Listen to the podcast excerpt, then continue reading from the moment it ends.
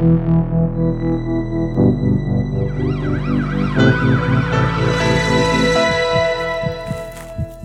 och välkommen till NVT Krim. Jag heter Åsa Asplid och är kriminalreporter på NVT tillsammans med Nicole de Bourchan som också finns med mig här idag.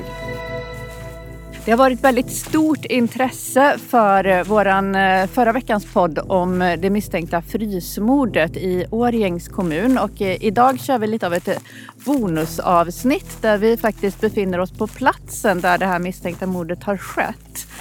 Nicole, kan du berätta lite grann? Hur ser omgivningen ut här? Vi har precis kommit hit och det är verkligen ett hus som ligger vid vägens ände. Vägen tar slut där huset ligger. Och eh, själva huset då, det är ett rött hus med vita knutar. Det finns lite uthusbyggnader. Det är öppet runt omkring och man kan se ett par grannar. Och det är eh, fälten som omger huset omges sen i sin tur av skog. Ja, vi ser ju även en husvagn som står på tomten här. Den har vi ju hört en del om. Du har pratat med grannar där. Ja, en vän till den här mannen berättade ju för mig att eh, de senaste åren, de har träffats regelbundet, eh, eh, den misstänkte och, och den här vännen då. Och, men de senaste åren så fick han aldrig komma in i huset utan då fick, de allt, då fick han eh, umgås med den misstänkte här i, i husvagnen som står utanför gården eller utanför huset på gårdsplan. Ja, om, vi, om vi rör oss eh, upp här längs, eh, längs den här eh, grusvägen som det här huset eh, ligger vid så, så blir det ganska uppenbart hur, hur otroligt ensligt det här ändå ligger. För det, det är ju mer eller mindre vägs ände vi befinner oss ja, vid nu. Det är ju en vändplan här så att, eh, ja, som en liten rondell med, med små granar i mitten. Eh, granskott.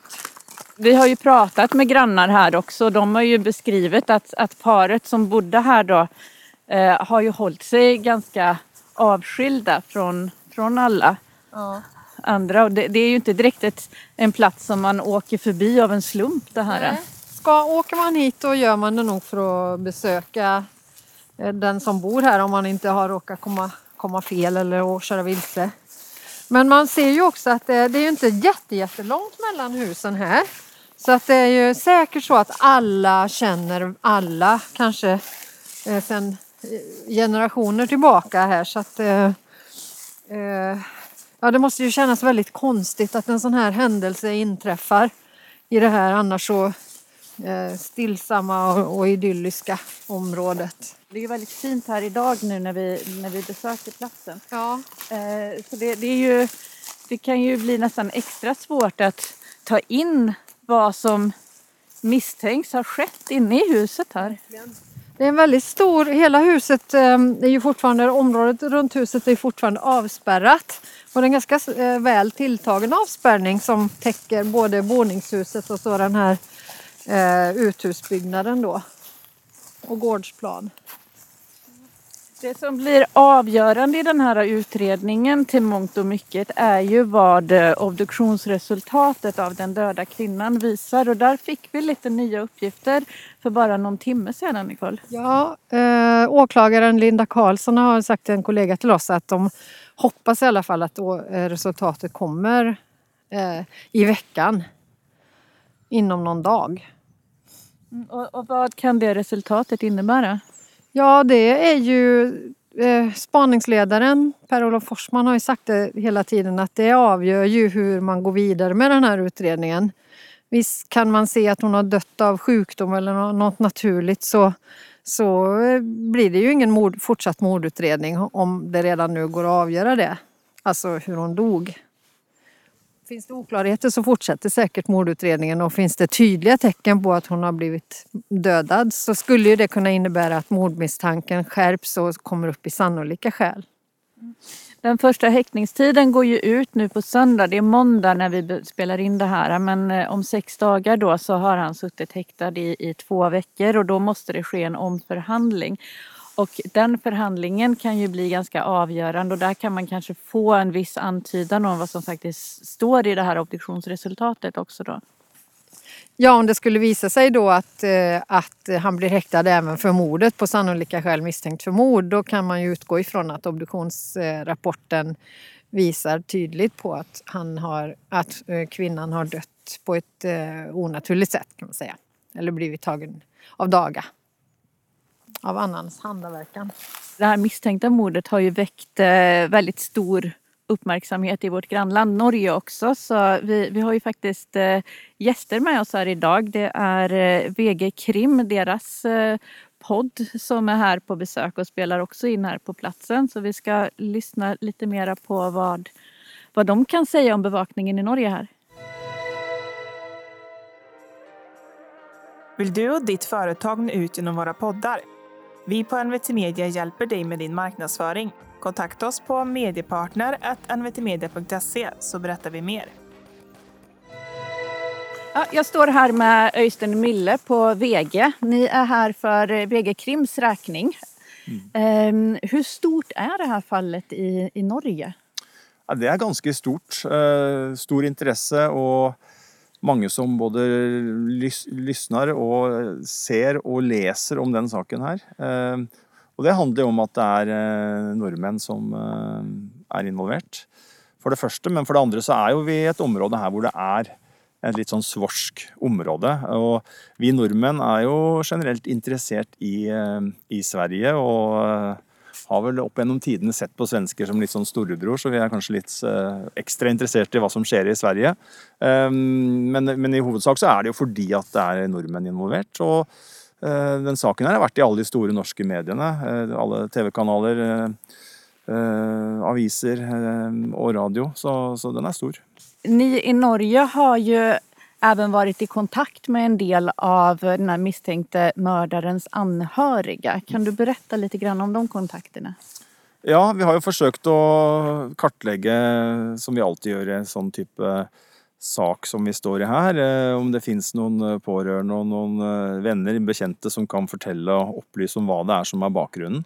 Så vi har haft kontakt och har kontakt och altså det jeg kan si om det, er at vi får jo da eh, et bedre bilde av både relasjonen eh, til de to involverte, altså da den mannen som vi på norsk kaller for, eller vi kan kalle den mistenkt, og, og offeret. Ehm, og så er vi ikke i mål med det, så vi holder fortsatt på å gjøre intervjuer og samle informasjon for å få et godt bilde da, av hva som vad som kan vara bakgrunden. Det finns ju väldigt mycket frågetecken här om kvinnan som hittade stöd i frysen. Som vi ska säga, hon är inte helt identifierad än men mycket tyder på att det är mannens sambo. Mm. Eh, vad har ni fått fram om henne?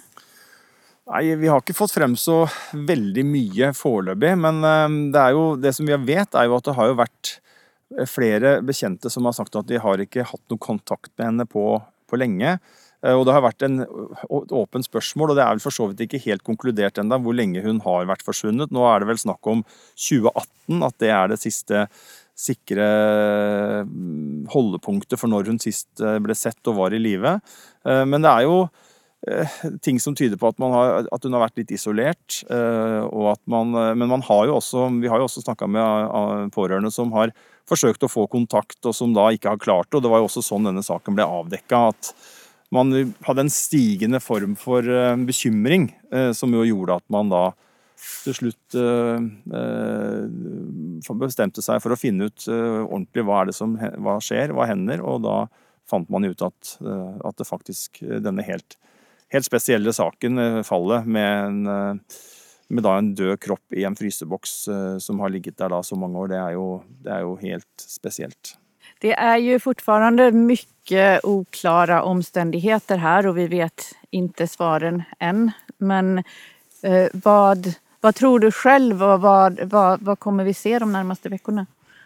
Jag tror ju väldigt mycket står, står och faller på obduktionsrapporten. Eh, den kan eh, eh Eller jag får börja en annan väg. Alltså jag tror politiet har två huvudhypoteser. Den ena är att hon har dött naturligt och att han for en eller annen grunn har lagt den i fryseboksen. Det er vel slik jeg tolker at hans forklaring eh, i den retning han forklarer seg. Eh, det andre varianten er jo det som politiet tilsynelatende har som en slags hovedteori nå.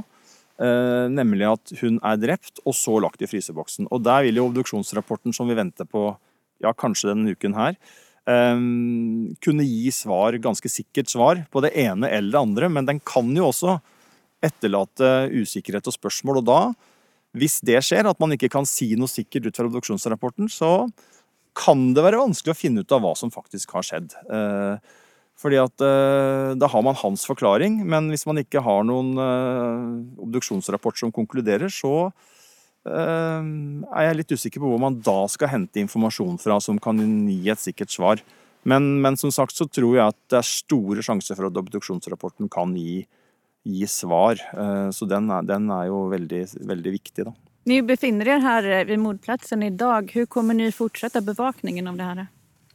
Den her, eh, den eh, saken kommer vi å jobbe med og, og dekke kontinuerlig. Eh, jeg ser jo ikke bort fra at vi treffes igjen i en, i en rettergang, at vi kommer å komme dit. For det er en sak som jeg var inne på, er helt, eh, den er jo helt unik eh, i ja, nordisk sammenheng. Eh, og jeg, det, det, kan godt hende at vi i VG hadde nok hatt rapportering om den saken her selv om det ikke hadde vært nordmenn involvert. Eh, og det handler bl.a. som jeg sa om at vi er jo et område hvor, eh, ja, som er svorsk, og hvor nordmenn Det er mye nordmenn her, og det er mange som er interessert i hva som skjer i Sverige. og og en så spesiell sak, så grotesk sak, med en kvinne som har ligget nedfrosset i flere år, den, den vil eh, tiltrekke seg oppmerksomhet i Norge eh, når den skjer i Sverige, selv om det ikke hadde vært nordmenn involvert. Så jeg, jeg tror vi kommer til å overvåke og dekke og rapportere på den saken her i, eh, i, med, med, høy intensitet. Ja. Da får jeg takke deg, Øystein Mille på VG Krim. Takk.